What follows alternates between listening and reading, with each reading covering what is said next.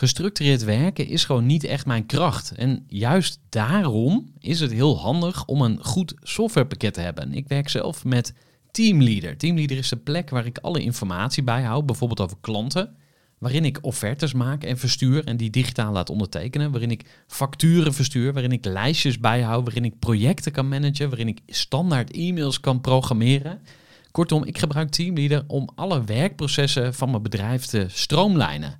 En zeker ook als je met een team werkt, is het heel fijn om over dezelfde informatie te beschikken. Nou, als je ook benieuwd bent of er mogelijkheden zijn om jouw bedrijf meer te stroomlijnen, of je nu alleen werkt of met een team, ga even naar teamleader.nl slash groeivoer en je kunt dan vandaag nog een trial starten voor twee weken lang, gratis. En je kunt Teamleader volledig uitproberen. En na de proefperiode krijg je ook nog zo'n leuke korting als luisteraar van Groeivoer. Ga naar teamleader.nl slash groeivoer. Groeivoer. Groeivoer. Groeivoer. Zoek je inzicht, inspiratie voor je eigen bedrijf. Wil je elke dag iets leren? Luister dan naar Groeivoer. Welkom bij weer een nieuwe aflevering van de Groeivoer podcast, waarin ik in gesprek ga met Johanan Baks. Johanan richtte samen met zijn broer Nathanael het bedrijf Baks Music op. Ja, ik moest naar Goes rijden, maar dat was het meer dan waard, want we hebben een mooi gesprek gehad met elkaar over hoe dit bedrijf zo groot geworden is. 130 miljoen omzet inmiddels. Het oprichtingsverhaal van Baks, maar vooral ook welke groei ze doorgemaakt hebben. Wat ze daarin tegengekomen zijn, wat is lastig geweest, wat ging juist heel erg lekker. Wat heeft Johan daar zelf van geleerd? Wat is zijn grootste valkuil? En ja, is er meer tussen hemel en aarde? Een vraag die af en toe ook voorbij komt en zo ook bij Johanan. Waar gaat het naartoe met Bax? Daar hoor je ook nog iets over. Kortom, een aflevering met heel veel inhoud. Heel veel luisterplezier met weer een nieuwe aflevering van de Groeivoer Podcast. Voor de kennis en ideeën van een interessante gast. Die zijn verhaal met jou wil delen. Luister je naar Groeivoer. Johanan Baks, van harte welkom bij de podcast. Dankjewel voor de uitnodiging. Hartstikke Ja. leuk. Hoe, hoe gaat het met je? Ja, eigenlijk hartstikke goed. Weet dat eh, we kijken terug op een wat, wat, wat moeilijker jaar natuurlijk. Maar ik denk dat voor alle ondernemers was. Hè. Dat is, eh, ondanks dat de omzet goed gaat, hè, ben je heel veel operationeel bezig. We zijn nu een jaartje verder en het begint allemaal een beetje gewoon te worden. Hè. Ondanks dat het een hele ongewone tijd is. Maar gaat wel goed, ja. En privé ook. Dus eh nee, gaat allemaal wel lekker. Mooi. Nou, we gaan, gaan zo ook nog wat meer horen over jouw eh, privé-situatie. Maar voor de eh, eh, luisteraars even, waar, waar zijn we op dit moment? Nou, je bent op het hoofdkantoor van Bax Music. Wij zijn een, een online en offline muziekwinkel. Weet dat iedereen kent de muziekwinkel wel van vroeger. In iedere stad had je er wel een waar je een pianootje en een gitaartje kan kopen. Wij zijn ooit online begonnen en daarna pas offline gegaan. En eh, naast dit eh, kantoor zeggen we, hebben we dan ook nog een kantoor in Amsterdam. Dus eh, vandaar dat ik zeg hoofdkantoor. Ja. en trouwens ook nog in Frankrijk. Maar ja, Ja, en de distributie zit hier ook. en je hebt een winkel. Dus verschillende functies gecombineerd. Ja, klopt. Weet dat. We hebben hier een stuk van onze distributie zitten. We hebben hier een, kleine, ik denk 18.000 vierkante meter aan distributie. Dan hebben we in 20 kilometer verderop nog een groot warehouse waar we onze bulk binnenkrijgen. En dat is met name onze eigen merkproducten. Eh, en die doen we dan replenishen. En we hebben hier ook nog een grote winkel, 1600 vierkante meter. Beetje een rare locatie natuurlijk, Goes. Maar ja, dat komt omdat we hier eh, ooit eh, geboren en getogen zijn en hier gezetteld zijn. En onze andere winkels, die zitten, die zitten wat, wat meer prominente plaatsen, zeg maar. Dus Ja. Rotterdam, Amsterdam. Oké. Laten we eens hebben over geboren en getogen. Want ja, hoe kunnen we de kleine Johanan omschrijven? Hoe zou je moeder dat aan mij uitleggen? Oeh, wat een vraag, joh. Ehm, eh, altijd erg ondernemend. Eh, vanaf, vanaf dag één, zeg maar, eh, altijd erop uit. Hè? Dus dat begon echt van jongs af aan dat ik altijd al wegliep en dingen wilde ontdekken. Maar ook later, weet je wel, school ging me heel makkelijk af.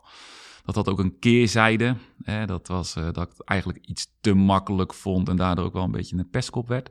Eh, en dan niet echt dat ik mensen nou echt enorm pestte. Maar ja, ik was, ik was wel altijd aanwezig in de klas. Hè? En, en regelmatig moest ik op het matje komen van... joh, hou je een beetje gedijst, want eh, voor andere mensen is het wat minder makkelijk. Op uh, ik deed HVBO en toen werd ik ook van uh, bijna van school afgestuurd. En toen hebben mijn ouders uh, nou, moeten praten als brugman om het toch op school te houden. Toen zei de conrector, nou dat mag, maar dan ga je nu naar 5 HAVO en dan binnen een jaar moet je eruit. en, dat, en, dus ik heb een jaartje rustig moeten houden. Maar ook in die periode altijd aan het ondernemen geweest. Weet je wel, ijsjes verkopen op het strand, stroopwafels verkopen aan de deuren illegale Twilight DVD's, CD's branden en die verkopen. Ik was, ik was altijd aan het zoeken van, joh, kan, kan, kan ik ergens geld mee verdienen? En niet zozeer omdat dat geld me nou zo dreef. Tuurlijk was dat belangrijk en, en was, dat, was dat leuk. Maar ook omdat, ja, ik kreeg daar gewoon een kick van. Weet je wel, ik, ik, kocht, ik kocht een speedboot uh, en die knapte ik op en die verkocht ik door voor uh, dubbele bedrag. Uh, en, en altijd al altijd bezig geweest met ondernemen en, en, en ja, kijken daar, ja, nieuwsgierigheid. Hè, dus, ja, dus en zat het ook in de genen? Want ik begreep dat een van de kanten van een familie ook in de handel zat of in het ondernemen? Ja, mijn, mijn, mijn, mijn ouders die komen allebei uit de zorg. Uh, dus de, van die kant uh, helemaal niet. Maar mijn moeders kant, zeg maar, dat zijn wel allemaal ondernemers. Of in ieder geval hebben een groot agrarisch bedrijf, een loonbedrijf. Ehm, mijn opa en oma hebben altijd gezegd van, joh, van werken word je niet moe. Kom, hè? weet je, als je wat wil bereiken, dan moet je hard werken. En dat heb ik altijd wel goed tussen mijn oren geprent. En dat is ook zo, weet je wel. Tuurlijk zeggen mensen wel van, joh, je hebt geluk. En dat, dat hebben we ook wel deels. Uh, maar daarnaast is het gewoon knijter hard werken. Ja. en dat, en dat, dat zal denk ik alle, alle ondernemers, maar ook wel ja, succesvolle managers met me mee eens zijn. Het is gewoon hard werken, weet je wel. Het, het, tuurlijk kan je, kan, je, kan je acht uur kan je heel veel bereiken. Maar ja, het is heel simpel. Als je 16 uur werkt, dan bereik je meer. En zeker in die beginjaren van onderneming. Ja. Voor we naar de begintijd van Baxen gaan, nog even over uh, uh, je broertje. Want uh, die, eh, daar werk je natuurlijk ook mee samen. Heb je samen het bedrijf ook mee opgericht? Ja, zeker. Nathanael. Ja. Hoe komen jullie aan die namen? Ja. Want dat zijn Hebreeuwse namen. Ik dacht meteen, wat, wat, wat, is daar het verhaal bij? Ja, nou, heel goed. Nou, het grappige is, mijn ouders die heten Bert en Corrie. dus weet dat, hele simpele namen, weet dat ontzettend Nederlands. En, en we zijn met z'n vijf kinderen thuis. Dus weet dat, uh, vijf moeilijke namen. Mijn jongste broertje heet Reuel. En dan heb je Nathanael. En dan ben ik de middelste, Johanan. En dan Misha en Talita. Het zijn allemaal Bijbelse namen, Hebreeuwse namen. We zijn niet Joods of zo, dat vragen mensen wel eens. Maar wel uh, christelijk opgevoed. Ik uh, ben ook altijd, nou, tot en met ik niet meer leuk vond, maar een jaar of 15, 16 mee naar de kerk gegaan. En daar natuurlijk ook wel veel van meegekregen. Dus, uh, maar mijn ouders vonden het leuk om ons uh, ja, Bijbelse namen mee te geven. Dus, ja, uh, dat waren inderdaad de twee richtingen waar je op kunt denken met ja. zo'n naam. Um, we gaan het straks ook nog wel hebben over, over jouw geloofsovertuiging misschien. Dat ja. staat in ieder geval op mijn interviewlijstje. Ja, prima. maar laten we eerst eens naar het verhaal van Baks gaan. Want jullie zijn in 2003 begonnen. Kun je ons dus meenemen in het uh, allereerste begin van dat uh, sprookje? Ja, nou dat, dat begin dat was eerder dan 2003. Dat begon eigenlijk toen ik denk een jaar of 7, 8 was. Dat ik gewoon geïnteresseerd was in discolampjes. En uh, nou, ik was weer nieuwsgierig en mijn eerste discolampje gebouwd letterlijk uh, plankjes gezaagd, fittingje erin geschroefd, uh, een, een, een, een simpel lichtcontroletje gekocht en mijn eigen, eigen discolampjes gebouwd. Ik weet nog goed dat ik voor Sinterklaas het lichtcontroletje kreeg. En dan moesten wel voor Sinterklaas moesten de lampjes af zijn, want anders had ik er nog niks aan. Um, en ik denk dat wel heel veel jongeren dat hebben, dat ze dat leuk vinden. Een beetje muziek draaien. Um, toen mijn broertje met het idee kwam om een drive-in show te beginnen samen met een vriendje van hem toen was ik wel gelijk geïnteresseerd. Toen dacht ik, hé, hey, dat is interessant. Hè? Dat is, uh, daar moet ik even wat meer van weten. Uh, en toen heb ik me daar uh, redelijk snel tegenaan bemoeid. En, en zijn we dat eigenlijk met z'n drieën gaan doen. Drive-in showtje spelen. Nou, Mocht dat van je ouders dan? Sorry? Mocht dat wel van je ouders? Ja, ja, ja die, die, die waren... Kijk, ik ben, ik ben, ik ben christelijk opgevoed, maar wel redelijk vrij. Hè? Dus niet, niet heel streng gelovig of wat dan ook. zeker niet. Dus eigenlijk daar het virus verder ontwikkeld, om het zo maar te zeggen. Virus misschien een beetje verkeerd woord nu vandaag de dag, maar in ieder geval de, de, de, de, de hobby verder ontwikkeld. Ja, en toen werd ik ook wel gegrepen door het, door het echte ondernemen. En, en heb ik ook veelvuldig aan mijn ouders gevraagd van, joh, uh, kunnen we niet naar de Kamer van Koophandel? Want ja, wij willen gewoon er een echt bedrijfje van maken. Nou, heel vaak afgehouden helaas. Zeker nu helaas voor hun.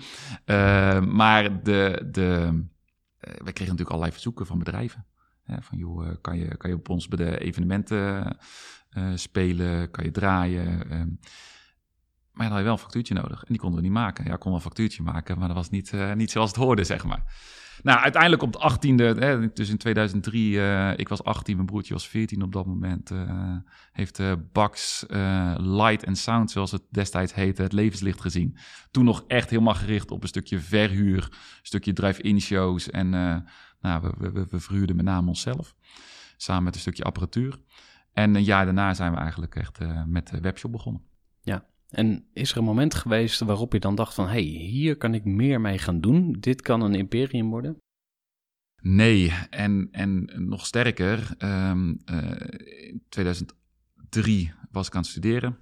En um, uh, de studietijd in Rotterdam doorgebracht. Ik zat daar ook op kamers. Op een gegeven moment hadden we wel wat personeel hier nodig...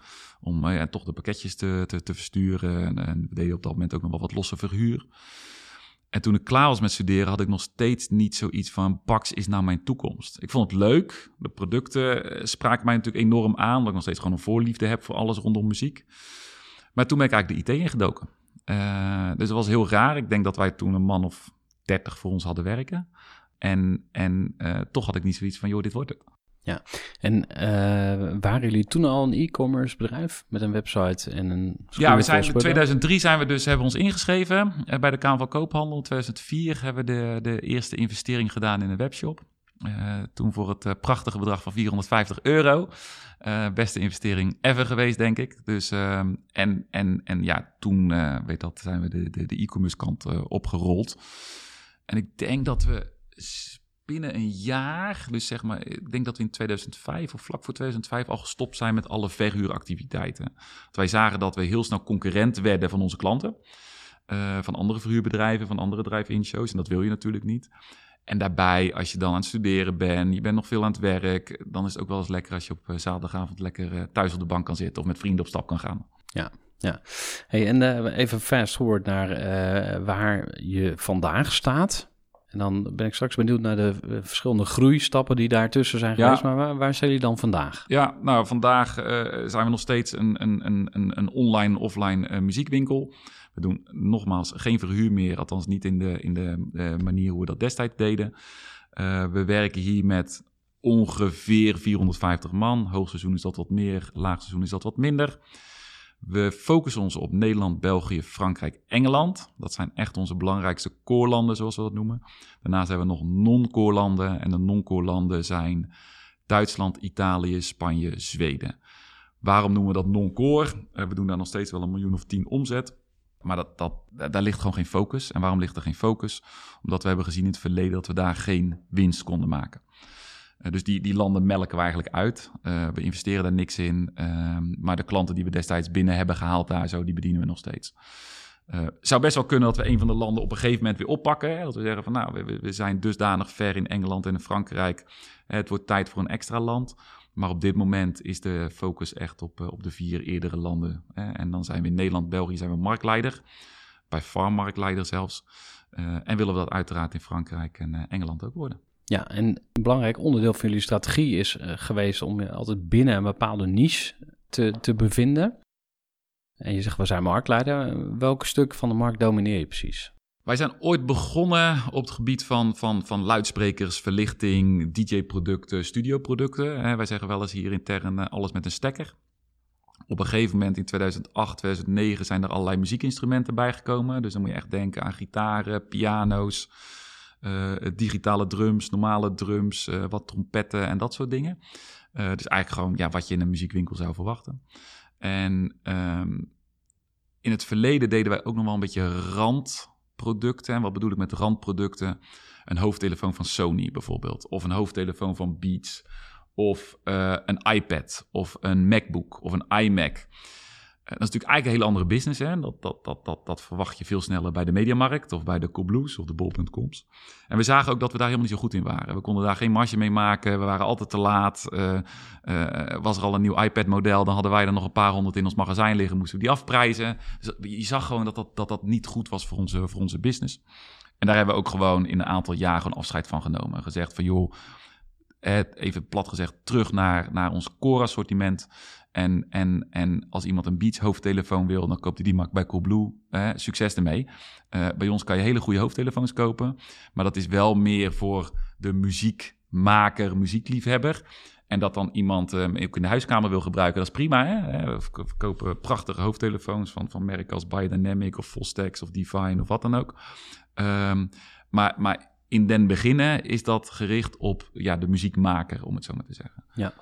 En hoe, hoe ziet jullie klantenbestand er dan uit? Eh, als je kijkt bijvoorbeeld zakelijk versus eh, de consument. Ja, het is ongeveer 25, 75. Dus 25% B2B en 75% eh, consument.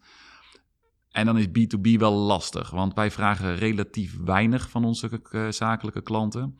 Dus als iemand een bedrijfsnaam invult en dat is eh gefaked, of iemand doet zijn bandnaam invullen, eh, de 3J's of zo, dan, dan, dan, dan, dan weten wij niet of dat echt een bedrijf is. Dus eh, als je echt zou gaan, naast de Kamer van Koophandel zou gaan leggen, zal het minder zijn. En sinds de coronacrisis is dat een stuk minder. Dus is echt richting de 1090 gegaan. Omdat we zagen dat met name de B2B-bedrijven gewoon de investeringen stopten. Want ik kan me voorstellen dat dat best wel eh, eh, veel impact heeft op de manier waarop je met je klant praat. Hè? Dus als je voor een consument eh, kiest of daar vooral voor werkt, dan ga je veel meer richting storytelling en service en de customer journey. En bij je zakelijke klant kun je misschien wat meer op een ander niveau communiceren. Misschien ook veel meer over het product. Ehm techneuten onderling. Dus jij hebt een of andere geluidstechneut hier zitten. En die praat met een, een, een eh, techneut van de klant, zeg maar. Ja. Hoe heb je dat eh, in je bedrijf georganiseerd? Nou, dat is een struggle. Dat is echt een struggle. Weet dat, we, hebben, we hebben een business tak. Eh, en, en omdat je ziet dat die businessklanten graag, en, en zeker als ze een bepaald volume hebben, een bepaalde omzet hebben, eh, dat ze graag een soort van accountmanager willen hebben, een vast aanspreekpunt. Eh, dus, dus dat hebben we. Maar als je bijvoorbeeld kijkt naar marketing, is dat natuurlijk heel erg lastig. Hè, eh, moet wel zeggen, de meeste van onze marketing is echt wel consumentgericht. Toevallig lanceren we vandaag een, een actie specifiek voor de horeca en de verhuurbedrijven.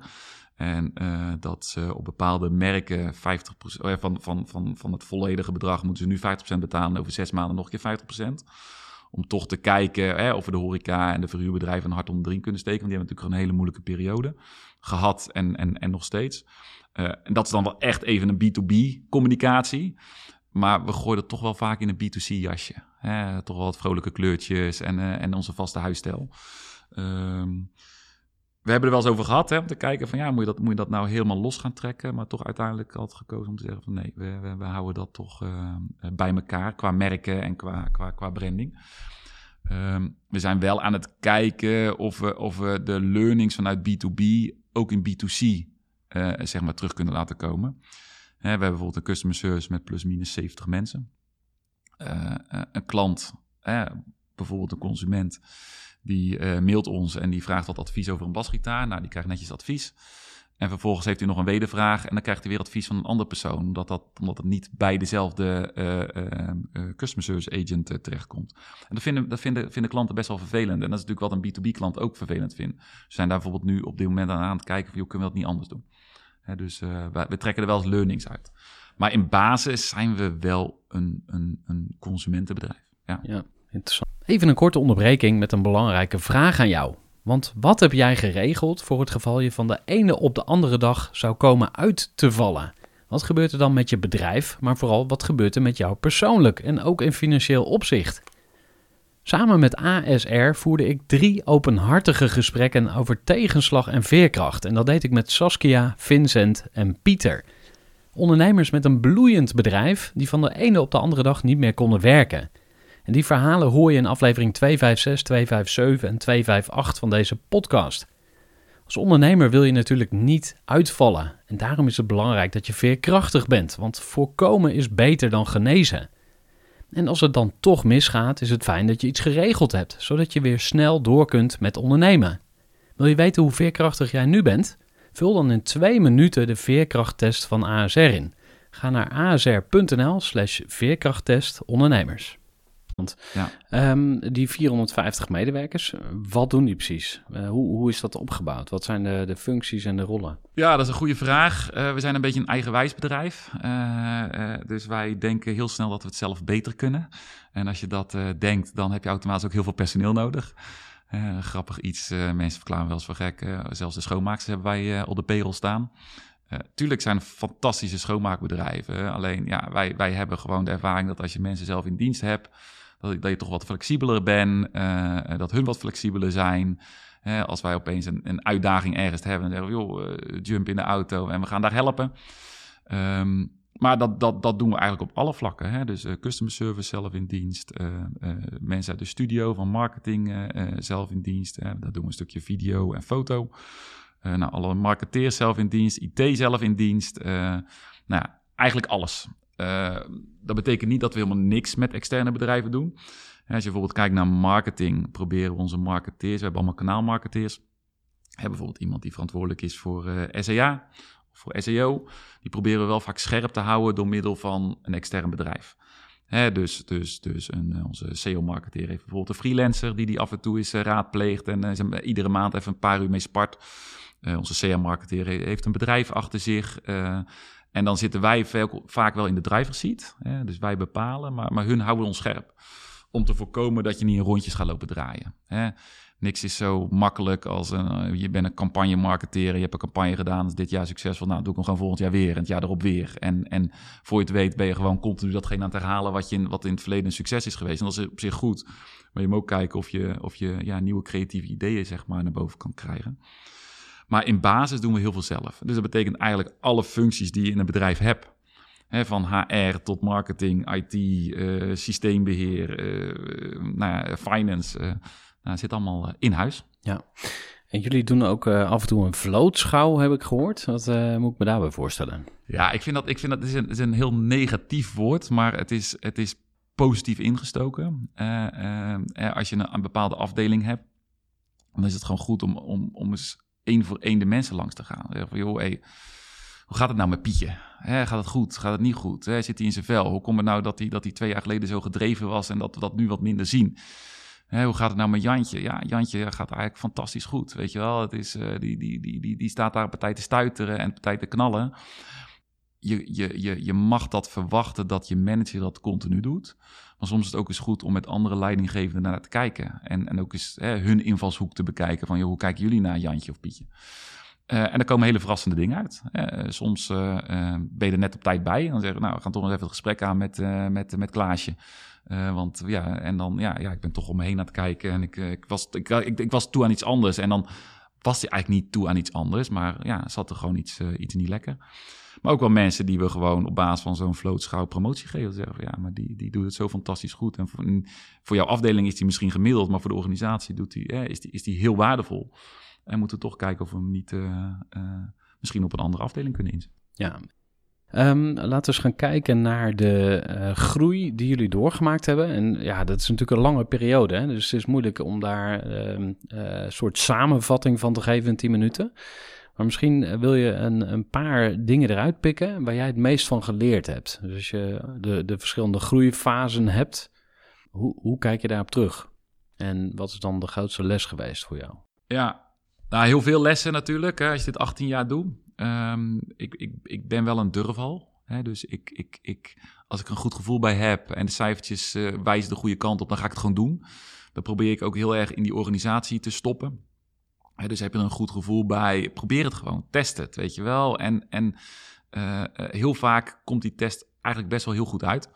Uh, maar eigenlijk heb ik zo altijd ook het bedrijf opgebouwd. Hè. Weet dat, uh, ik heb altijd heel erg geloofd in content. Hè, dus, dus goede content online zetten. Hè. Dus vanaf, vanaf dag één dat we die webshop hadden in 2004... zijn we geld gaan investeren in content. Hè, dus dat betekent echt copywriters. En op het moment dat ik meer online wilde hebben dan dat er online gezet kon worden, dan nam ik iemand anders aan.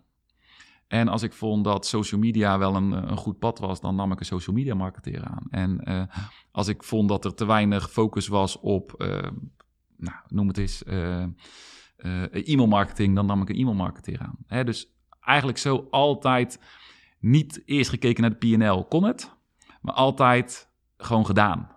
En dan achteraf bijsturen. Ehm, en hoe groter je wordt, hoe moeilijker dat wel wordt natuurlijk. Hè? Dan moet je, hè, de, de belangen worden groter en, en, en dan moet je toch wel vaker even, even de spreadsheet erbij pakken voordat je zomaar iets doet.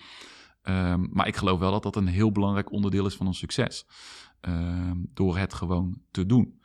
Nou, daarnaast hebben we eh, in 2013 een stukje financiering opgehaald.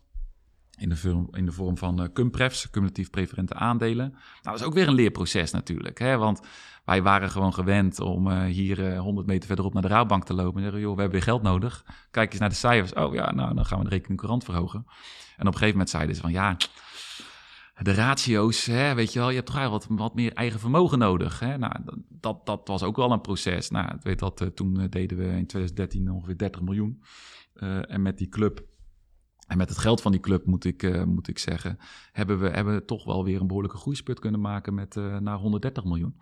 Um, en, en ook op dat, eh, ook, ook in die reis kom je natuurlijk weer allerlei zaken tegen waar je weer heel veel van leert. Ja, nou, laten we daar lekker nog even op doorgaan dan. Ja, uh, ja, wat, ja. Wat, wat is er dan gebeurd tussen die 30 en die 130? Ja, nou, dat is een goede en belangrijke. En uh, eigenlijk twee dingen waar ik heel veel van geleerd heb. Uh, en dat zijn wat minder leuke dingen. Maar het, vaak zijn de minder leuke dingen hetgene waar je het meest van leert. In 2016 hebben we een, een, een, wilde staking in ons warehouse gehad. Nou, dat is nooit leuk. Waar natuurlijk. ging dat over? Ja, weet dat, we, hadden, we hadden een nieuwe sorteermachine gekocht. En ik vond eigenlijk dat dat ding maar 24-7 moest draaien. Dus ik heb gezegd van jongens, we moeten s'nachts gaan werken. En um, ik had dat goed voorbereid, al zeg ik het zelf. Um, um, in de zin van dat ik het uh, ver van tevoren met mijn warehouse manager had besproken. En, en gezegd van, joh, let op, hè, dat willen we dan en dan gaan doen. Dus, dus, dus, dus bereid dat goed voor. Achteraf gezien had hij dat pas een week van tevoren verteld. Hè, dus vele maanden onder de pet gehouden. Maar ja, daar leer je van, weet je wel. Uiteindelijk, ja, de, de mensen hebben dat gedaan. Uiteindelijk na een aantal maanden uh, uh, barstte de bom. En toen zei ze, ja, maar sorry, we gaan het niet meer doen. Nou ja, dan, dan, dan, dan, dan, dan sta je lijnrecht tegenover je mensen. En dat wil je natuurlijk niet. En nou, een stukje media-aandacht uh, gekregen. Nou, dat wil je ook niet. En zeker niet op die manier. En wat werd er dan bijvoorbeeld gezegd? In de media bedoel je of van de mensen? Ja, want ik, ik was natuurlijk aan het googlen en dan kom je ja. ook een term als achterbaks tegen. Oh, dat, ja. uh, misschien gekoppeld aan uh, succes. Tenminste, dat was mijn associatie van als je hè, hoge bomen vangen veel wind. Ja. Dus als je succes Kijk, hebt, de dan hoge willen bomen mensen... vangen veel wind. En zeker in, natuurlijk in het dorp als Zeeland. Ja. Hè, dat, dat, hè, waar, je, waar je eigenlijk een van de grote bedrijven bent. En, en dan, dan positieve dingen worden snel uitgelicht, maar negatieve dingen worden ook snel uitgelicht. Maar als ik de film natuurlijk gewoon terug afspeel, hebben wij gewoon te veel focus gehad op groei, groei, groei, groei, groei. Uh, en te weinig focus gehad op onze mensen. Uh, en en, en uh, wij, wij, wij, wij, wij, wij waren daar helemaal niet mee bezig. we hadden geen OR in die tijd. OR, weet je wel, dat is irritant, dat is vervelend, weet je wel, dat, dat belemmert onze groei. Al dat vergaderen en mensen ja, wij, wij, wij waren echt wij waren echt gefocust op topline. En, en, en, uh, op topline dat, is uh, de omzet. Op omzet, ja. ja. En, en, en veel minder met de mensen. En uh, dat was voor ons wel even van, uh, even de hand, handrem en even terug bij af. Dat is ook de reden de, geweest dat we toen wel de OR hebben opgezet. Ook wel onder druk van de vakbond.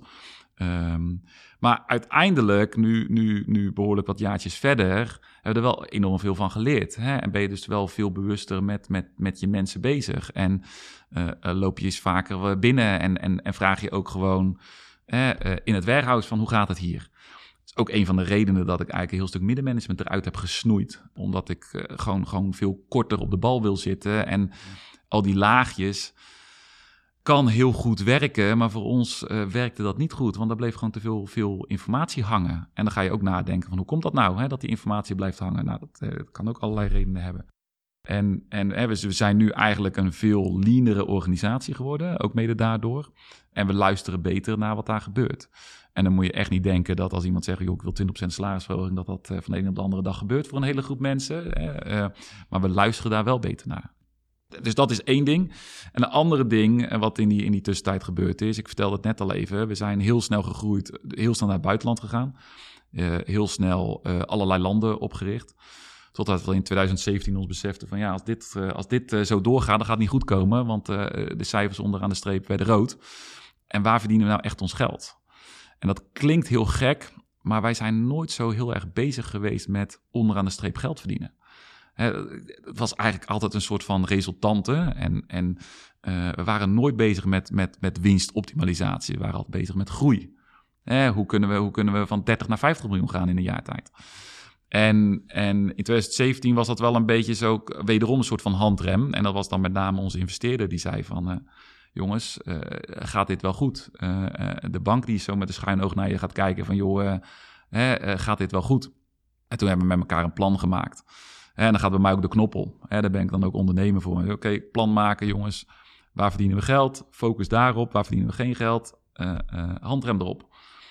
En dat betekent geen investeringen meer erin hebben we daar mensen zitten die, die we kunnen zien als investering. Ja, die hebben we ook moeten ontslaan. Uh, weliswaar netjes gedaan via VSO's, maar ja, dat is nooit leuk. Hè? Wat is dat uh, ook alweer, een VSO? Uh, een vaststellingsovereenkomst. Ja, hè? Dus dan ga je eigenlijk met de medewerker zitten en zeggen van... nou, weet je wel, ik kan allerlei moeilijke dingen gaan doen via het UWV... maar we kunnen ook gewoon samen de hand schudden. Ik zorg dat er net voorstel ligt en daar tekenen we samen onder. Of weet dat, tekenen we samen het contract. Ja, misschien nog even naar die investeren, want uh, dat was dus niet Rabobank Ventures of uh, nee, hebben ook een participatie. Uh, RAPAR en RAPAR staat voor Rabobank Participaties. Ehm, en ja, ik zeg wel eens, het is een product van de, van de Rabobank. misschien zijn ze het daar niet helemaal mee eens. Maar het, ja, het was met name op dat moment natuurlijk gewoon om ons eigen vermogen te versterken. Waardoor we uiteindelijk weer meer senior um, lening konden aantrekken. Ja, en op dit moment, uh, hoe is nu de eigendomsstructuur? Nog steeds hetzelfde. Hè? Dus weet dat, uh, het is ik vergeet één ding te vertellen. Mijn broertje heeft 40, uh, uh, ik heb 40. Daarnaast heeft mijn schoonvader, die is in 2008 ooit een keer ingestapt, die heeft nog 20 procent. Uh, die is niet meer betrokken in het bedrijf of, of wat dan ook. Uh, maar, uh, uit de lachende derde, zou je kunnen zeggen? Ja, dat weet ik niet. Misschien, misschien had hij er wel wat eerder uit willen stappen. Uh, we hebben wij daar nooit een noodzaak van gezien. Ehm, en Rapa die heeft een cumpref, dus dat betekent dat, dat hun zeg maar een, um, een put-optie hebben. Dus als er een exit komt, kunnen zij een aantal uh, cumulatief preferente aandelen converteren naar echte aandelen, waardoor zij nog een, een deel van de opbrengst krijgen bij een verkoop. En dat is in totaal 8%, dus dat valt eigenlijk ook wel mee. Ja. Daarentegen, hè, als je iemand niet in de ordinary shares uh, uh, laat zitten, maar, maar op deze manier, uh, is dat natuurlijk wel duur. Hè? Dus geld lenen is dan wel een, een, een, een dure optie. En dan, dan kom je niet weg met 4, 5 procent rente, zeg maar. Ja, ja. En private equity is nooit op de radar geweest? Of die zijn waarschijnlijk wel op de radar geweest, maar daar hebben jullie altijd nee tegen gezegd? Ja, heel, heel, heel, veel, heel veel private equity bedrijven over de vloer gehad. waar, waar, kijken die naar? Waar, waar komen die op af? Uh, nou ja, als je groeit, vinden ze het al heel snel interessant natuurlijk. Uh, niche is ook interessant. Niche in e-commerce is interessant. Hè? Dus ik denk dat we wel heel veel karaktereigenschappen hebben die interessant zijn voor private equity. Je hebt daar ook wel trends in gezien. En trends in de zin van tot vier jaar geleden was e-commerce natuurlijk fantastisch en iedereen wilde in e-commerce investeren. Toen heb je wel een periode gehad van, oeh, e-commerce, er wordt geen geld verdiend. Uh, uh, daar ging het van sales multiple uh, biedingen naar EBITDA multiples. En nu sinds corona is natuurlijk is, is, is het wederom omgedraaid. En is e-commerce natuurlijk weer helemaal, helemaal booming en helemaal hip en happening. En wij hebben ook wel met diverse partijen ge, gesproken, ook wel biedingen gehad. Ook wel in die periode in 2017, toen we dat plan hebben gemaakt. Maar uiteindelijk ook wel erachter gekomen van ja, als je dit wil doen, dan moeten we toch wat meer focus gaan hebben op die EBITDA-verbetering. Uh, want dan wordt het pas echt interessant. Ja, misschien nog heel even, wat is EBITDA ook alweer? Uh, ja, dat is, een, dat is een heel mooi woord voor uh, hè, wat, wat, wat verdien je nou uh, buitenom ehm, de, de interesten, de afschrijvingen die je doet. Um, earnings before interest, depreciation en Taxes. nog eentje. Taxes, juist. En amortizations, ja, ik weet het ja. maar. In ieder geval, en, en ja, daar wordt natuurlijk een investeringsland heel erg op gestuurd. Dus, ja, dus winst voor belastingen, ja, dat is het eigenlijk. Ja, ja. ja voor belasting en afschrijving. En, uh, ja. Ja. Um, misschien even inzoomen op de winstgevendheid. Want um, jullie hebben producten in het assortiment die misschien niet zo vaak verkopen. En je hebt misschien je hardlopers en je eigen merken, waar je volgens mij ook best wel trots op bent dat jullie een aantal eigen ja, merken hebben. Ja, je hebt er eentje op je hoofd, zie ik nu. Dus, ook uh. nog, ja, ja, precies. Hoe heet het ook alweer? Divine. Ja, Divine, precies. Um, kun je ons eens uitleggen um, waar je als ondernemer volgens jou op moet letten als het om winstgevendheid gaat? En misschien kan dat aan de hand van jullie eigen uh, winstgevendheidsmodel. Ja, nee, hartstikke goed. Ja, wat ik, wat ik net ook al zei, hè, wij, wij zijn nooit daar zo heel erg mee bezig geweest, tot, tot een vier jaar geleden. Um, maar sindsdien wel. eh, enorm. Ehm, een van onze belangrijke eh, drivers voor een goede marge zijn onze eigen merken, waar je net ook al zei. We hebben een zestal eigen merken. Die maken wij deels zelf. En wat bedoel ik daarmee? We designen ze zelf. En deels is OEM. Hè, we plakken eh, plat gezegd ons naampje erop en we doen wat kleine modificaties. 95% komt uit China. Ehm, en, en zijn ondertussen wel echt merken geworden. Dus, dus waar dus mensen ons bellen en zeggen van... joh, eh, ik hoorde dat eh, dat een goed merk is. Zou je me een advies kunnen geven? Dus dat is wel heel tof om te zien. Daar zijn we natuurlijk in Nederland wel veel succesvoller mee... dan bijvoorbeeld in een land waar we relatief kort te zitten, is, is, is Engeland. Ehm, als je kijkt naar onze winstgevendheid, hè, uitgedrukt in EBITDA... eh, draaiden wij bijvoorbeeld in 2018, 2019 ongeveer 2,8, 2,9 miljoen EBITDA. Eh, vorig jaar was het helaas iets minder. Eh, en dat is best wel gek, want onze omzet was 15% hoger. Eh, maar dat komt met name omdat de marge iets verlaagd werd door onder eh, een stukje druk van de marktpartijen. Eh, maar ook onze kosten wel wat verhoogd werden. Ehm, en dat kan zijn eh, kosten uit de supply chain eh, die een stuk hoger werden.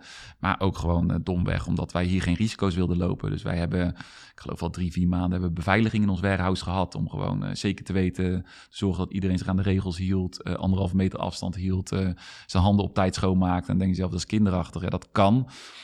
Maar het is, het is wel echt nodig geweest. Want je wil gewoon dat, dat het, je logistieke hart moet gewoon doordraaien.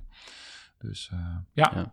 En die, hoe, hoe maak je dan keuzes over je winstgevendheid? Want Jij zei al van ja, ik ben niet zo'n spreadsheet ridder die dan eh, alles. eh, je je maakt ook keuzes op basis van gevoel. Maar waar, waar zit dan de. de ja, waar komt Nou, vroeger was, het, vroeger was het echt 100% gevoel.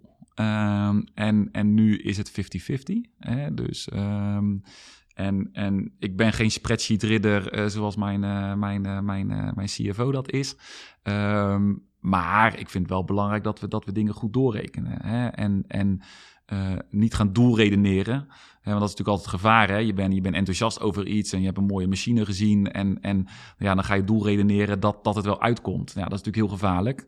Ehm, en zeker in de omvang van wat we nu zijn, met, met een verantwoordelijkheid voor 450 gezinnen, hè, die je maandelijks eh, eh, een, een, een salaris moet uitbetalen. Ja, dat, dan, dan, dan kan dat ook niet meer, zeg maar. Maar, eh, hè, dus, maar ik, denk, ik denk wel 50-50. hè. Dus het, het kan best wel zijn dat de business case kantje boord is. En dat we toch zeggen van ja, het voelt echt goed. En, en we hebben ook wel wat dingen die we niet direct kunnen becijferen. Let's do it. En die winstgevendheid waar je net over had, is dat iets waar je tevreden over bent? Waarvan je zegt van nou, oké, eh, dat is de business. Want ik zat bijvoorbeeld bij AFAS en die hebben dan een EBITDA van 80 miljoen op 220 eh, omzet, geloof ik. Dus dat mind-blowing marges. Ja, ja, maar blijkbaar in e-commerce eh, werkt dat niet zo. Dan heb Ja. je dat hele apparaat nodig Ja. en al die artikelen moet je de lucht in houden. En moet- Ja. Dus best veel werk, zou je kunnen zeggen. Ja. Ben je tevreden? Eh, eh, nee, hè, want, want als je onderaan de streep meer verdient, kan je meer investeren. En kan je dus weer, eh, weer, weer, harder groeien en leukere dingen doen eh, met elkaar. Anderzijds, weet dat, het is, het is natuurlijk wel een branche van de toekomst. Ik geloof heel erg dat we zometeen een aantal generieke spelers hebben, à la Amazon, à la Bol. ehm, eh, eh, misschien dat, dat, dat, dat, dat, dat nog een andere erbij komt, maar ik, ik denk het niet. Daarnaast geloof ik gewoon in de, in de, in de, in de niche-spelers. Ik geloof heel erg in, in Bax als niche-speler op muziek. Ik geloof heel erg in Camera Express als niche-speler op fotografie. Als jij als hobby hebt fotografie, dan is het niks zo lekker om in een, in een fotografiewinkel rond te lopen.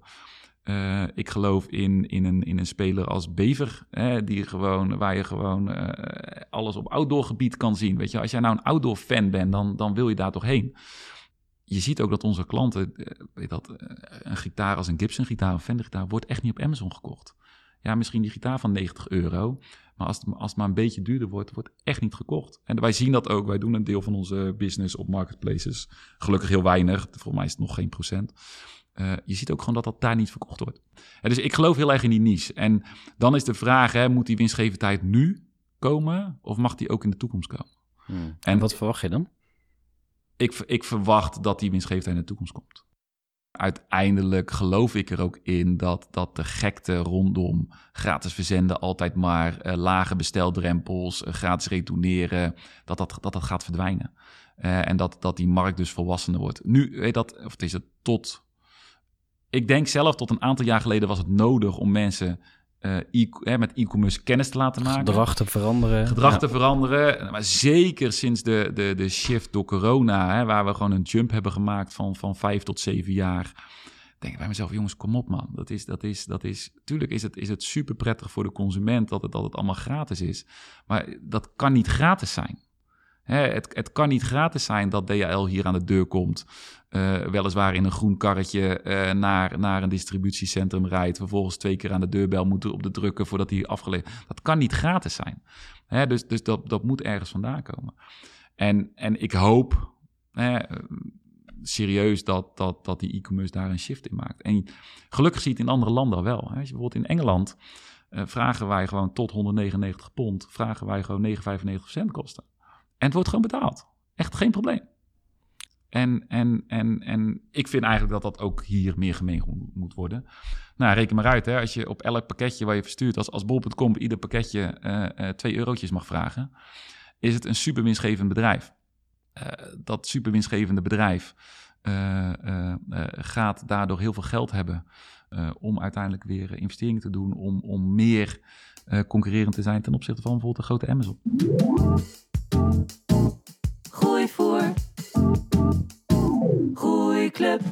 Ja, je zit nu lekker te luisteren naar het gesprek met Johanan, maar ik heb even een korte uitnodiging voor je. En dat is om je in te schrijven voor de online ondernemerscommunity die ik gebouwd heb, Groei.club. Op Groei.club kun je een gratis groeitraining volgen. Je kunt daar handige tools downloaden, eh, onder andere een groeiplan template, waarmee jij een compleet groeiplan voor je eigen bedrijf kan gaan bouwen. En je vindt er ook andere groeiondernemers. Dus als jij denkt van, hé, hey, ik wil verbinden met andere ondernemers. Ik wil aan de groei van mijn bedrijf werken. Of ik wil nieuwe inspiratie opdoen, dan kan dat daar ook. Ga even naar groei.club en klik op maak account. En dan kun je een gratis account aanmaken. En dan gaan we elkaar eh, daar binnenkort spreken.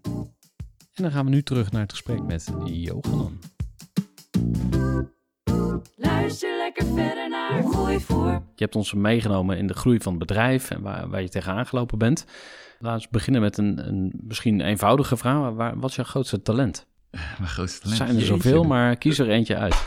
Eh, mijn grootste talent. Ik, ik denk, wat ik net ook al zei, hè, mijn, mijn grootste talent zit, zit op, de- op, op, op, op, het, op de kruising van marketing IT. Hè, dus, dus, dus daar zien wat je moet gaan doen. Ehm, eh, eh, maar het ook wel gewoon doen. Hè, dus, dus ik lig ook bijvoorbeeld nooit wakker. Hè, wij, wij hebben ook wel echt wel momenten gehad in onze, in onze, in onze 18 eh, jaar bestaan... dat we denken van, oeh, weet je wel, hoe ga je morgen die rekening betalen? Maar ik heb altijd goed kunnen slapen. Hè, dus gewoon, ik ben, ik ben wel een beetje, hè, ze roepen hier wel eens de, de bulldozer.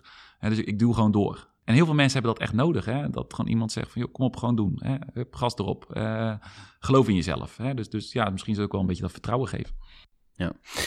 Wat is je minst goede eigenschap? Oeh, die is heel makkelijk. Want dat is. ik, ben, eh, ik, ik ben heel kritisch. Dus ik zie altijd heel goed eh, wat er, eh, wat er eh, niet goed gaat. Hè. Als ik zo'n ruimte als deze binnenkom, zie ik gelijk van. Ah, de prullenbak zit er vol. eh stoelen Stoel stonden niet recht. ja. eh, eh, hè, ehm, ehm, maar als, het, als dat dan wel een keer allemaal goed is, dan, dan vergeet ik altijd de schoonmaakster een complimentje te geven. Ja, het zag er weer goed uit.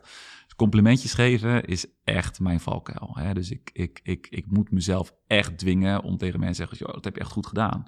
Want ik weet dat mensen daar 300 keer harder door gaan groeien dan, dan, dan te gaan zeggen wat er niet goed gaat. Maar dat, dat is echt mijn grootste valkuil. Ja. Misschien eh, eens kijken naar jouw eh, werkweek, want je werkt nogal wat uren. Ik las eh, 150 uur per week. Nou, nu ben je terug Nou, naar dat is 80, wel- dat is dus wel- ja, eh, ja, dat ja. valt dan weer heel erg mee. Maar dat is nog steeds een dubbele werkweek. Ja, Eh, je zou kunnen zeggen dat je eigenlijk gewoon een beetje verslaafd bent aan je werk. ja. Wil je daar eens op reageren? ja, dat is denk ik wel zo. En eh, daar zijn ze thuis natuurlijk niet altijd mee eens.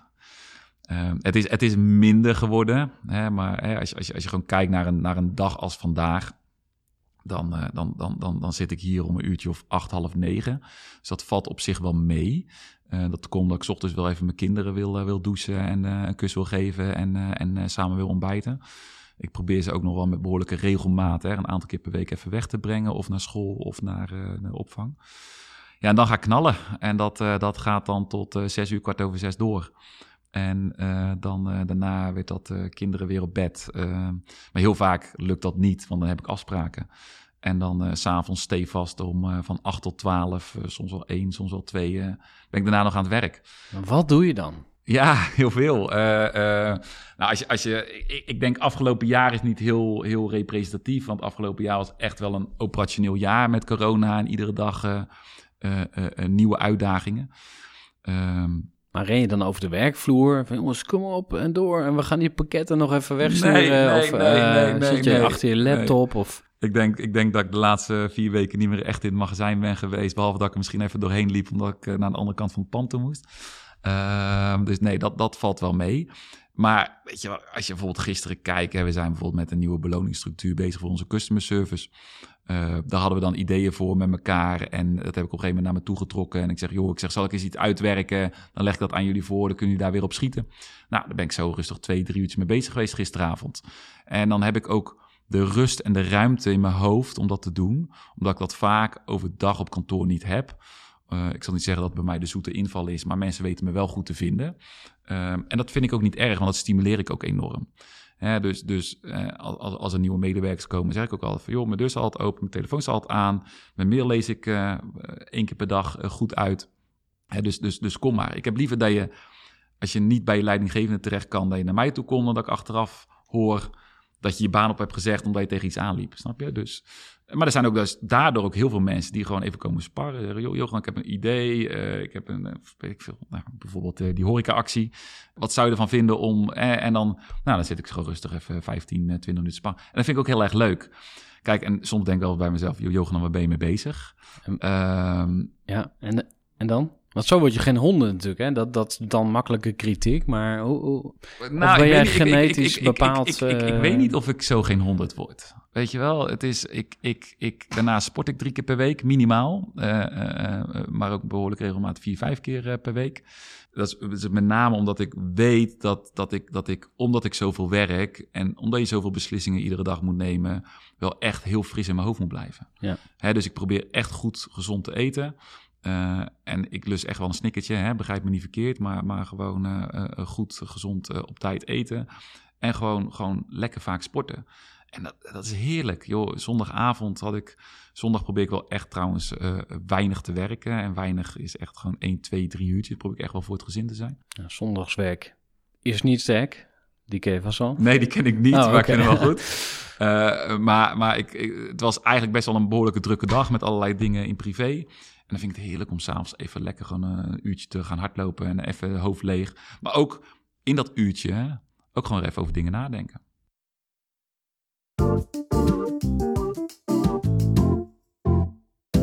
Je hebt verteld dat je eh, ja, in, in een kerkelijke omgeving bent opgegroeid. Ja, Eh, ik ben ook altijd benieuwd naar eh, ja, het geestelijk leven zeg maar, van, van ondernemers. Hè? Dus sommige Ja. ondernemers die zijn heel christelijk, die leven echt met God of met een, eh, hoe, hoe ze het ook noemen. ja. Of die zijn heel spiritueel bezig. Hoe is dat voor jou? Wat, wat geloof jij eigenlijk? Nou, ik, ben, ik ben christelijk opgevoed, hè, dus ik heb alles meegekregen. Ook op een gereformeerde school gezeten. Die vonden wij wel, wel streng, maar mijn ouders dachten dat het toch wel goed was hè, om dat allemaal, allemaal mee te krijgen. Liever iets te streng en dan thuis iets losser dan, eh, dan andersom.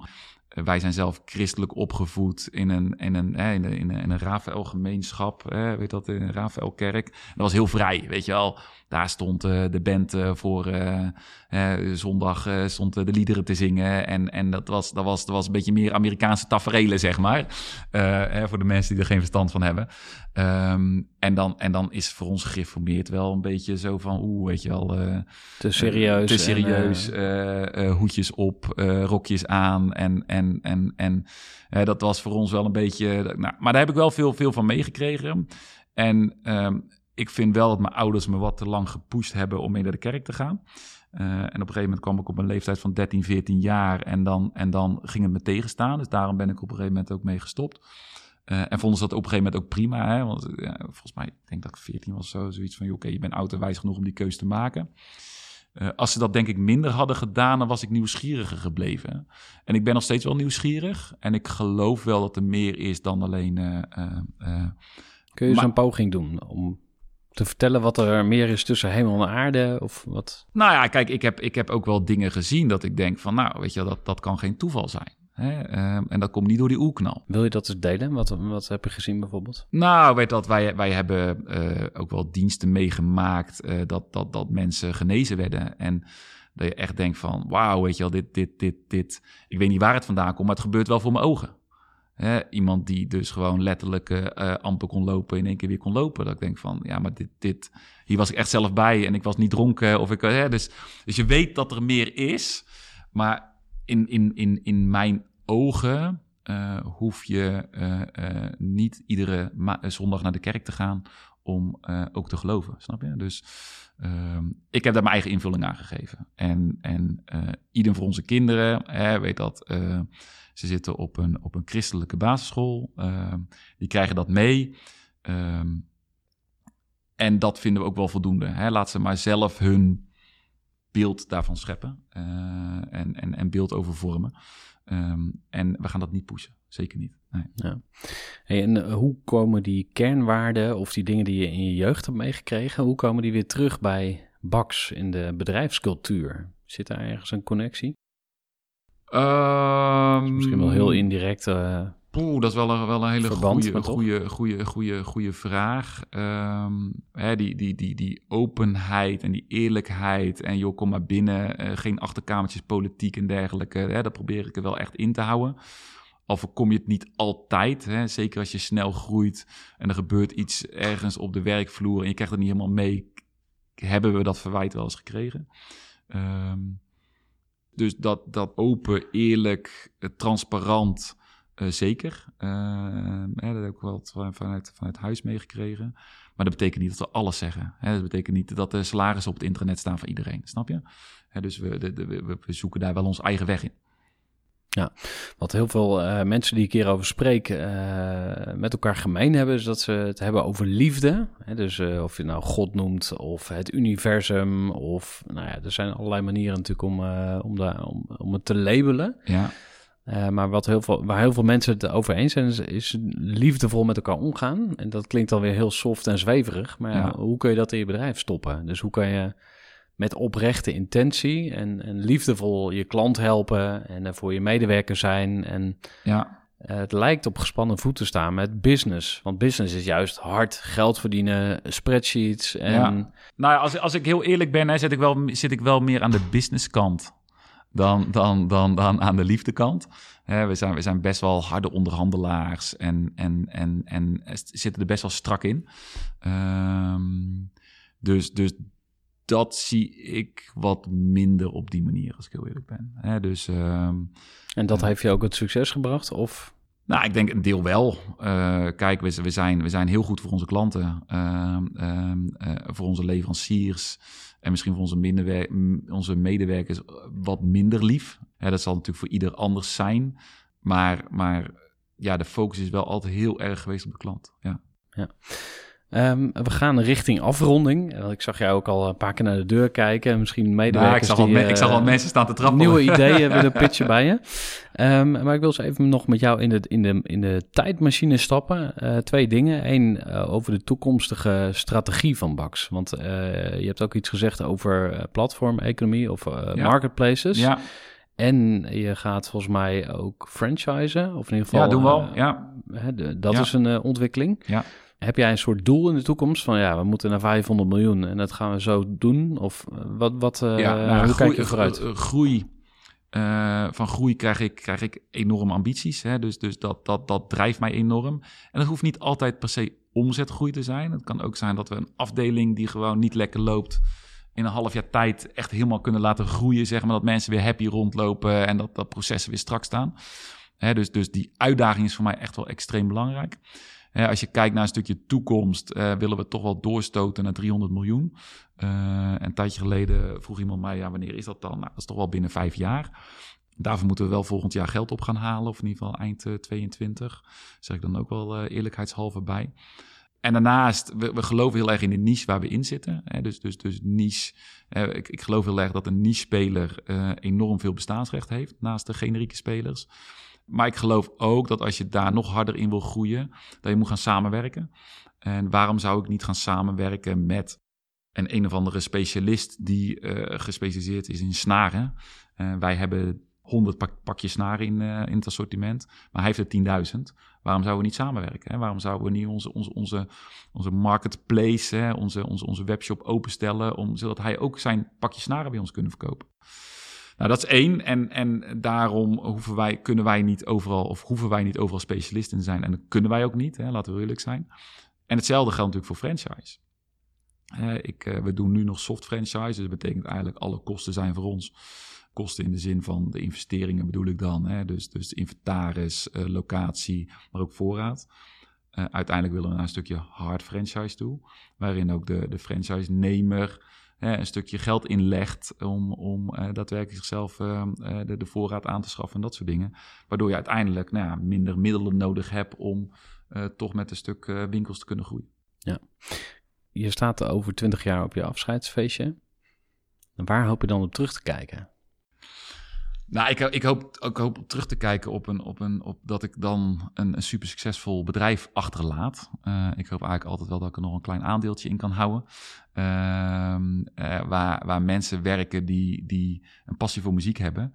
En die service enorm hoog in het vaandel hebben staan. En en dat is uiteindelijk waar we echt heel sterk in geloven, dat uiteindelijk service het verschil maakt. Natuurlijk moet die prijs goed zijn, natuurlijk moet je de volgende dag leveren, et cetera, et cetera.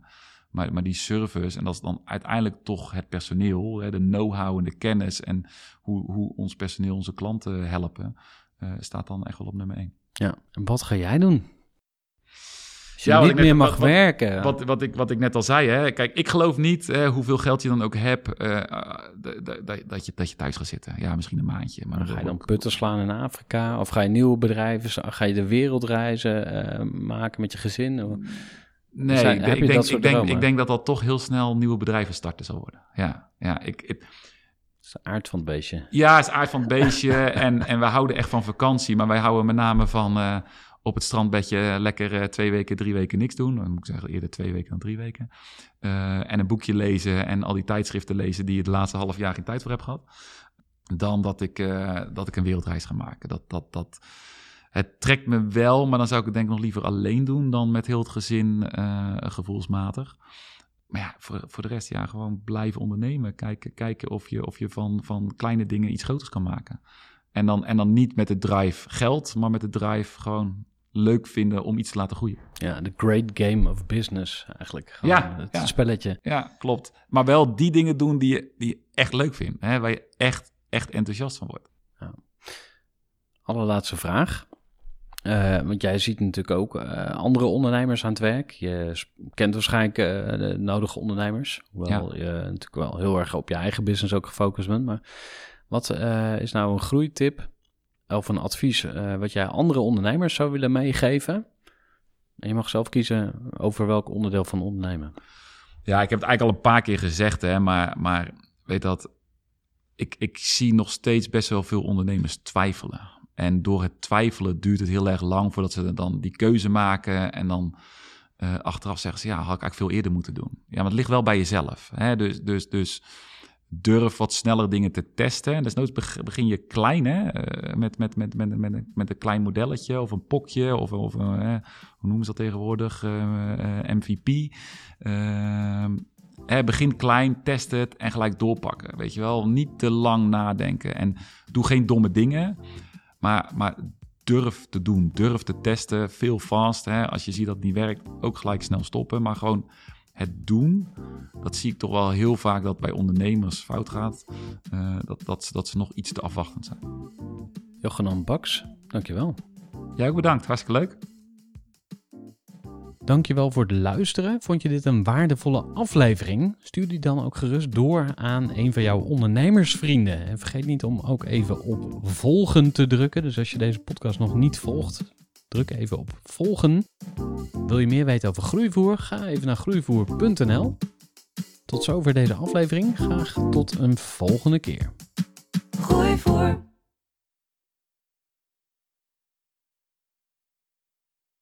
Gestructureerd werken is gewoon niet echt mijn kracht. En juist daarom is het heel handig om een goed softwarepakket te hebben. Ik werk zelf met Teamleader. Teamleader is de plek waar ik alle informatie bijhoud, bijvoorbeeld over klanten. waarin ik offertes maak en verstuur en die digitaal laat ondertekenen, waarin ik facturen verstuur, waarin ik lijstjes bijhoud, waarin ik projecten kan managen, waarin ik standaard e-mails kan programmeren. Kortom, ik gebruik Teamleader om alle werkprocessen van mijn bedrijf te stroomlijnen. En zeker ook als je met een team werkt, is het heel fijn om over dezelfde informatie te beschikken. Nou, als je ook benieuwd bent of er mogelijkheden zijn om jouw bedrijf meer te stroomlijnen, of je nu alleen werkt of met een team, ga even naar teamleader.nl slash groeivoer en je kunt dan vandaag nog een trial starten voor twee weken lang, gratis. En je kunt Teamleader volledig uitproberen. En na de proefperiode krijg je ook nog zo'n leuke korting als luisteraar van Groeivoer. Ga naar teamleader.nl slash groeivoer.